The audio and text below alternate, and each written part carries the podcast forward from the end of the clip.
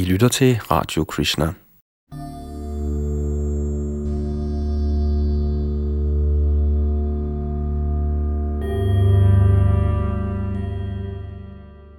I det kommende skal vi høre et uddrag fra kapitlet Udfordringer for videnskab og religion, hentet fra Sadaputas bog Gud og videnskaben. Denne bog, der indtil videre foreligger på engelsk, kan anskaffes gennem Govardhan Hill Publishing, og I kan finde Sadaputas hjemmeside ved at gå ind på vores hjemmeside www.krishna.dk og klikke ind på link-siden, hvor den står at finde.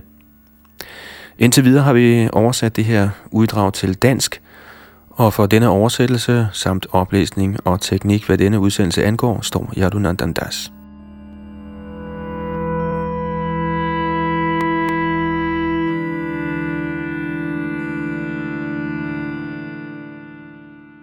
I Indiens Vaishnav-tradition defineres Gud som Brahman, Paramatma og Bhagavan, eller det ubegrænsede lys og ren væren bag naturen, Herren i hjertet og den højeste transcendentale person – i kristendommens treenighed kan man finde en lignende idé, det vil sige faderen, sønnen og helligånden. I begge disse traditioner lægges der vægt på Guds personlige væsen. Som transcendental person styrer Gud naturen i stor målestok. Han handler inden for historien, og han relaterer til mennesker på individuel basis. Dette ved Guds begreb har været centralt for utallige mennesker i mange århundreder, men nu om dagen er det ikke intellektuelt respektabelt – Ganske vist hører man ofte, at der ingen konflikt er mellem videnskab og religion, men denne udtalelse er kun sand, hvis man drastisk omdefinerer de traditionelle gudsbegreber. Se på følgende samtale fra 1959 mellem astronom Harlow Shapley og biolog Julian Huxley. Shapley. Og i sin berømte tale i 1951 tilsluttede paven sig evolutionen. Huxley. Men han sagde alligevel, at der må være en Gud, der på en eller anden måde er ansvarlig, ikke? Shapley. Jo, han benægtede ikke Gud. Og det gør du heller ikke. Huxley. Jo, jeg gør. Shapley. Nej, nej, hvis du definerede Gud, vil du ikke gøre det. Huxley. Begynd nu ikke på semantik. Shapley. Du er ikke ateist, Julian, du er agnostiker. Huxley. Jeg er ateist i ordets eneste rette betydning, da jeg ikke tror på et overnaturligt væsen, der påvirker naturens gang.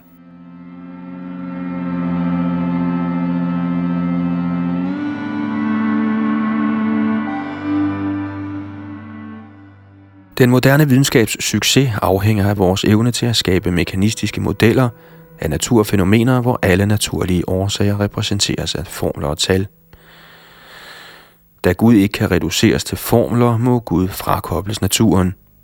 Gud kan allerhøjst tillade sin stilling som den endelige årsag til de love, man bruger i videnskabelige modeller.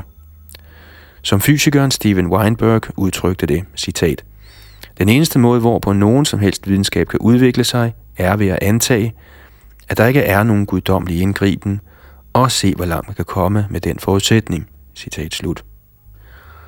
Udelukkelsen af Gud fra naturen begynder med at forkaste historier, der ser ud til at være i åbenbar modstrid med naturlovene. Historier om bjerge, der bliver løftet, eller deling af oceaner. I begyndelsen kan sådan udelukkelse se ud som en rationel reform, hvor i overtroens bundfald fjernes og vejen banes for en dybere åndelig forståelse. En tiltalende indgang er at skelne mellem det rationelle og det transcendentale. Man behandler det rationelle domæne ifølge videnskabens metoder og resultater, mens man postulerer et transcendentalt domæne, der ligger hinsides fornuften, og som kun er tilgængelig gennem højere åndelige bevidsthedsniveauer. Det transcendentale domæne kan kun nås gennem tro, accept af åbenbaret viden og streng lydighed overfor højere åndelig autoritet.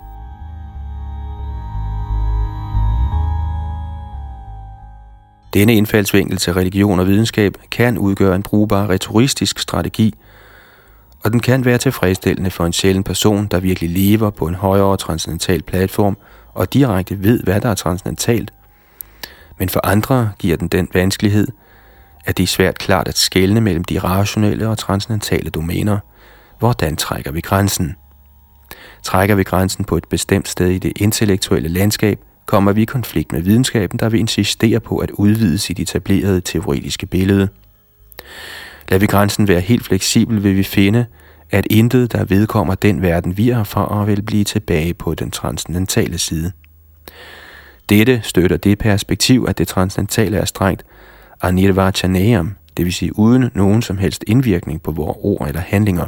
Men det ligger langt fra traditionelle opfattelse af Gud som en højeste person, med både beskrivelige og ubeskrivelige aspekter, der interesserer sig for individuelle liv.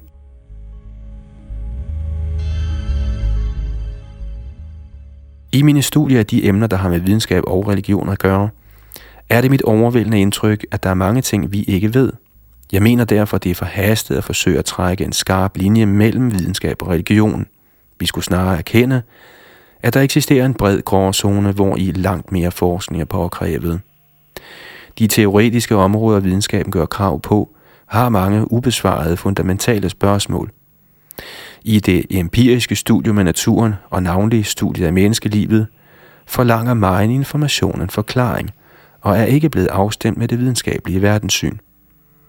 På det religiøse område er der ligeledes mange ubesvarede spørgsmål. Jeg vil nu kort gøre rede for nogle vigtige emner, der vedrører videnskab og religion og pege på spørgsmål, der bør drøftes.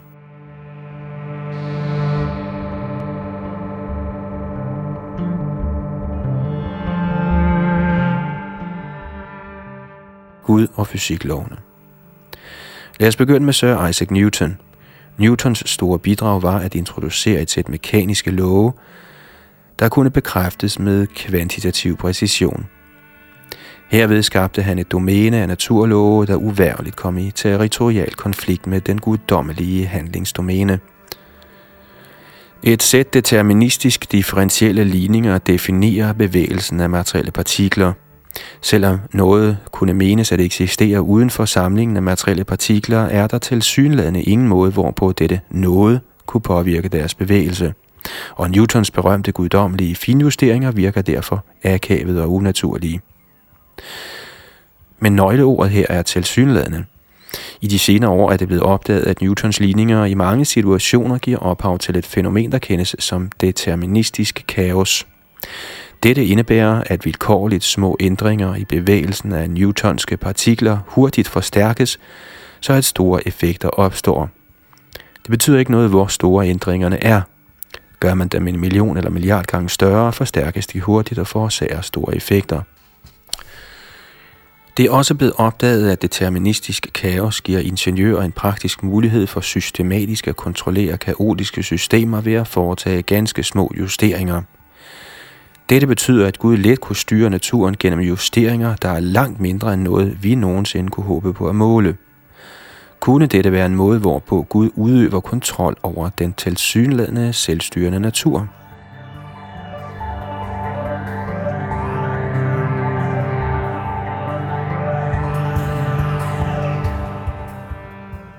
Den specielle relativitetsteori – i det tidlige 1900-tal introducerede Albert Einstein fundamentale ændringer i den klassiske newtonske fysik med sin berømte specielle relativitetsteori. Denne teori gav os den kendte formel E er lige med mc i anden, der blev demonstreret gennem frigørelsen af atomenergi. Men udover dette har relativitetsteorien kun ganske få praktiske konsekvenser, da den kun forudsiger afvielser i målige effekter for genstande med hastigheder, der nærmer sig lysets. Men Einsteins teori har dybgående filosofiske implikationer. I de ligninger, man kalder Lorentz transformationer, tillader den, at tiden sammenflettes med rummet og omvendt. Dette betyder, at tid og rum må have samme geometriske natur.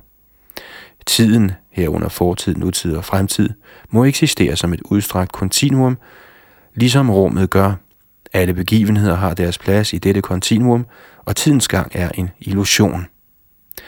Hvad det er, der oplever denne illusion?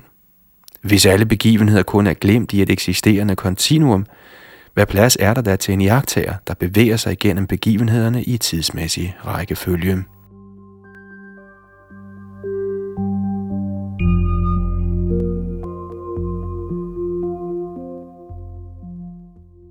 Kvantefysik med kvantefysikken har man helt forladt de deterministiske teorier inden for klassisk fysik og relativitet. Som resultat er kvantefysikken under tiden blevet hyldet som en port til en ny syntese af videnskab og religion, der vil genindføre ånd og bevidsthed i materiens verden. Men dette viser sig lettere sagt end gjort.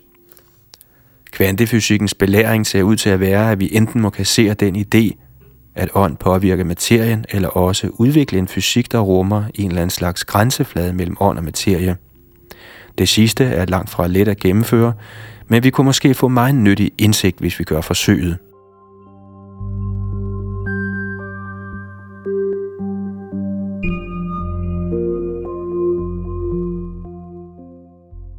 Hjernen og bevidsthed i videnskabens verden udgør de fysiske teorier grundlaget for de biologiske videnskaber og vores forståelse af sind og bevidsthed.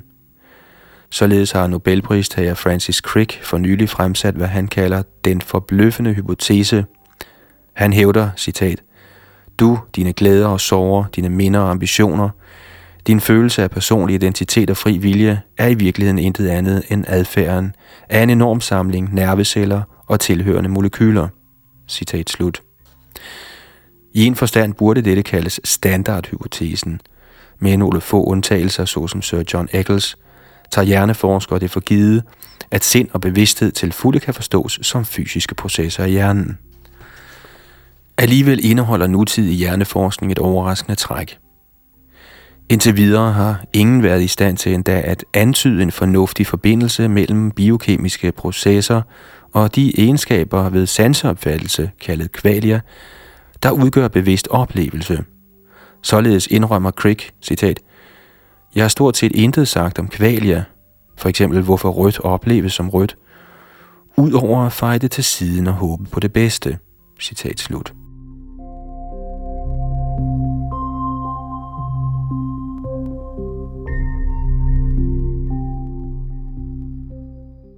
Livet efter døden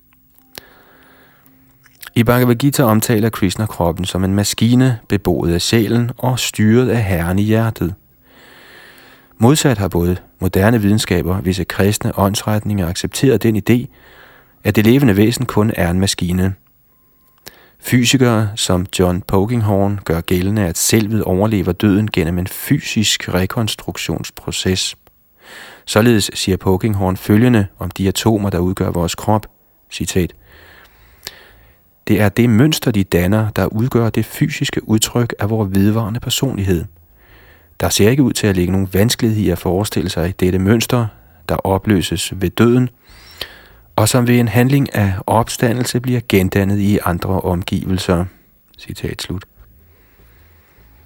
Ved ubetinget at acceptere Cricks forbløffende hypotese er Pokinghorn i stand til at postulere en videnskabelig model af den kristne opstandelsesdoktrin – men hvis bevidst selvidentitet er adskilt fra hjernen, som jeg har foreslået tidligere, må overlevelse efter døden involvere mere end blot atomare mønstre i kroppen. Bhagavad Gita udtrykker naturligvis ideen om sjælevandring, hvor i personligheden bæres af sjælen og det subtile sind fra en krop til en anden. Det er værd at bemærke, at der er en stor mængde empiriske beviser, der antyder, at sjælevandring faktisk kan være en realitet. Psykiater Ian Stevenson har undersøgt i tusindvis af tilfælde, hvor et lille barn øjensynligt husker et tidligere liv, uden at have haft nogen mulighed for at lære noget om det liv gennem konventionelle metoder for kommunikation. Stevenson har demonstreret, at færdigheder, interesser, fobier og andre personlighedstræk leder til at vise kontinuitet fra et liv til et andet. Han har også studeret tilfælde, hvor børn har modermærker, der svarer til dødbringende sår i deres sidste liv.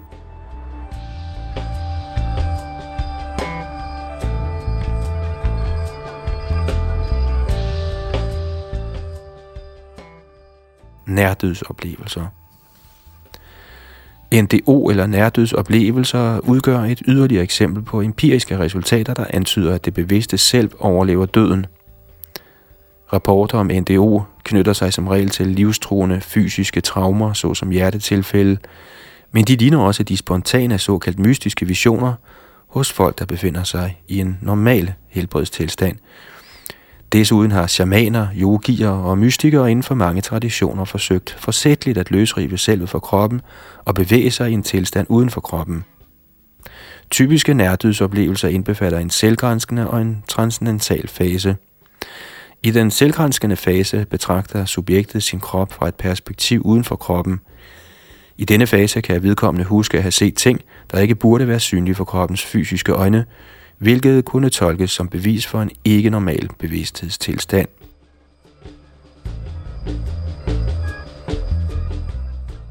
I den transcendentale fase rapporterer subjektet ofte at have trådt ind i en anden verden, typisk karakteriseret af strålende lys, smukke omgivelser og en følelse af universel oplysning. Subjektet kan her møde andre personer, alt fra lysende religiøse skikkelser til afdøde slægtninge.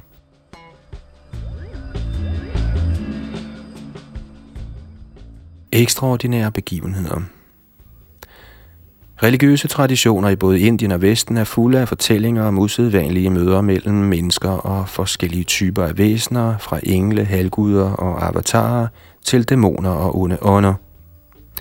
I dag er det selvfølgelig sædvane at henlægge disse historier under religiøs mytologi, da vi ved, at sådanne væsener ikke eksisterer. På det mest velvillige niveau antager vi som regel, at sådanne fortællinger er skrevet med det formål at overbringe moralske og åndelige belæringer til samfund af mennesker med naive overbevisninger og en forkærlighed for fantastiske historier.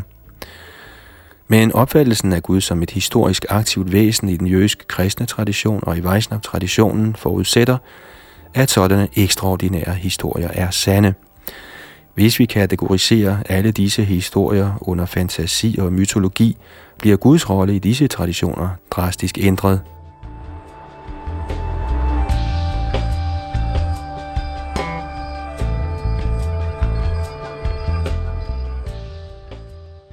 Fossilfundene vi vender os nu fra nutidige fænomener til de historiske videnskaber som geologi og evolutionær biologi.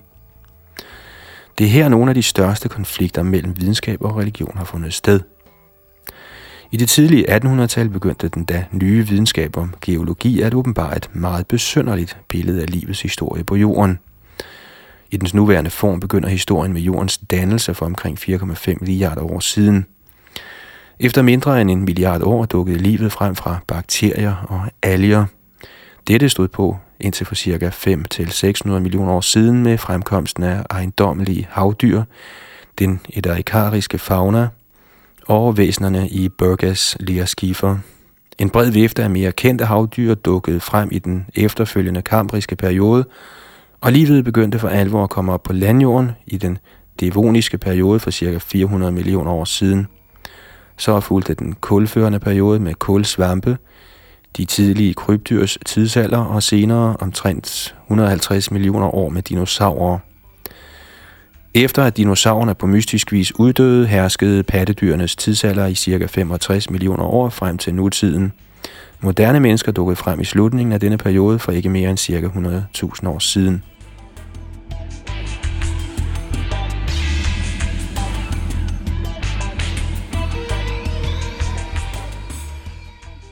Denne historie finder man ikke klart udtrykt i nogen religionshellige bøger, så vidt jeg er orienteret – nogle kristne skabelsestilhængere benægter den helt og støtter ideen om en ung jord baseret på mosaisk kronologi, der daterer skabelsen af jorden til omkring 6-10.000 år tilbage i tiden. Andre skabelsestilhængere eller kreationister foretrækker at få Bibelen til at stemme overens med geologi ved at fortolke skabelsens dage som lange tidsalder. Og nogle postulerer en race af mennesker eller menneskelignende væsener, der gik forud for de langt senere Adam og Eva.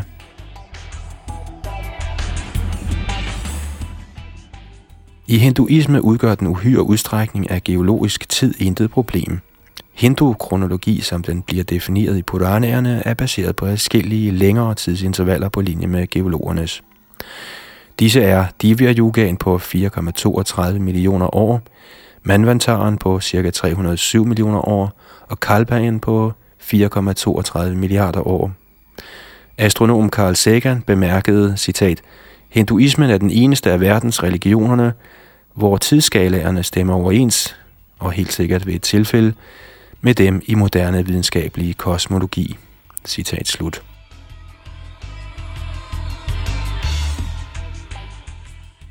Darwins teori Forskerne tolker fossiloptegnelsen som historien af gradvist udviklet liv ifølge den neodarwinistiske evolutionsteori. Jeg vil kort gøre rede for denne som Darwins teori, men den blev i virkeligheden udviklet efter 2. verdenskrig som en syntese af Mendelsk genetik og Darwins oprindelige idéer. Darwins teori er udelukkende baseret på fysikkens love og blind tilfældighed. Med den darwinistiske teoretiker Richard Dawkins ord tilskriver den de levende væseners oprindelse en blind urmager, helt blottet for intelligens, fremsyn eller hensigt. Af denne årsag er den blevet kraftigt afvist af mange konservative kristne, der betragter livet som værende guddommeligt skabt. Men andre kristne grupper, såsom de romerske katolikker og de liberale protestanter, forsikrer, at de ingen problemer har med at se Darwins evolution som Guds metode for skabelse.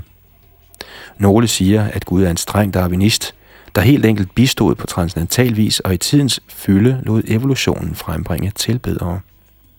Andre går på kompromis ved at foreslå guided evolution, hvor i Gud blidt puffer til den darwinistiske proces i ønsket retning. Dette accepterer selvfølgelig ikke af den etablerede videnskab.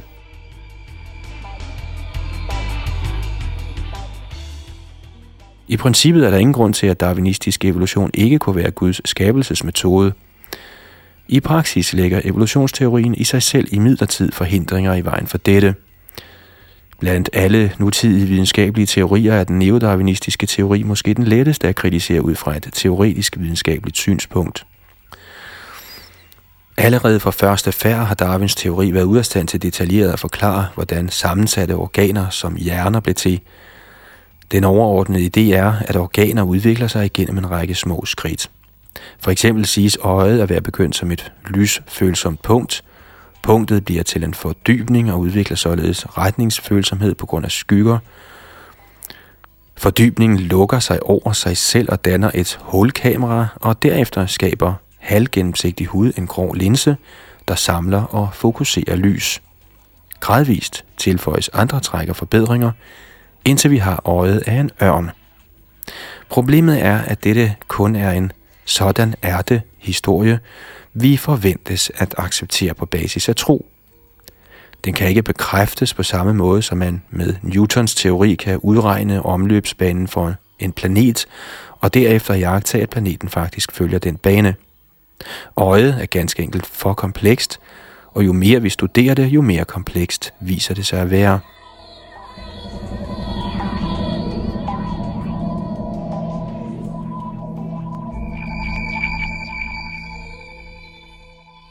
Konklusion Trods at selve ånden i moderne videnskab udelukker de traditioner, der baserer sig på personlig teisme, er de ikke på afgørende vis blevet tilbagevist af fysikkens konstant foranderlige teorier. Faktisk er selv nogle af de ekstraordinære fænomener, der knytter sig til teistiske lærere, til sidst finde bekræftelse i takt med, at fysiske og biologiske videnskaber konfronteres med forvirrende former for menneskelig erfaring. Dette kunne tilvejebringe en nøgle til forståelse for materiens samspil med bevidsthed. Denne udvikling kan tage lang tid.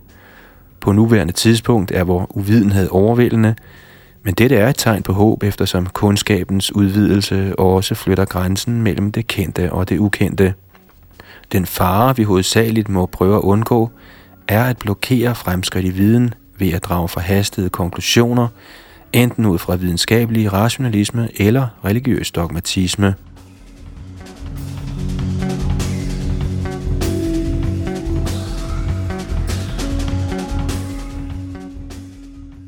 Og det sagde altså Sardaputtadas i et uddrag fra kapitlet Udfordringer for videnskab og religion, hentet fra hans bog Gud og videnskaben. Og den kan man skaffe sig et eksemplar af ved at gå ind på vores hjemmeside www.krishna.dk og klikke på links siden, hvor I finder Sadaputas hjemmeside og herunder hans forlag Govardhan Hill Publishing. For oversættelse, oplæsning og teknik stod Yadunandandas. Das.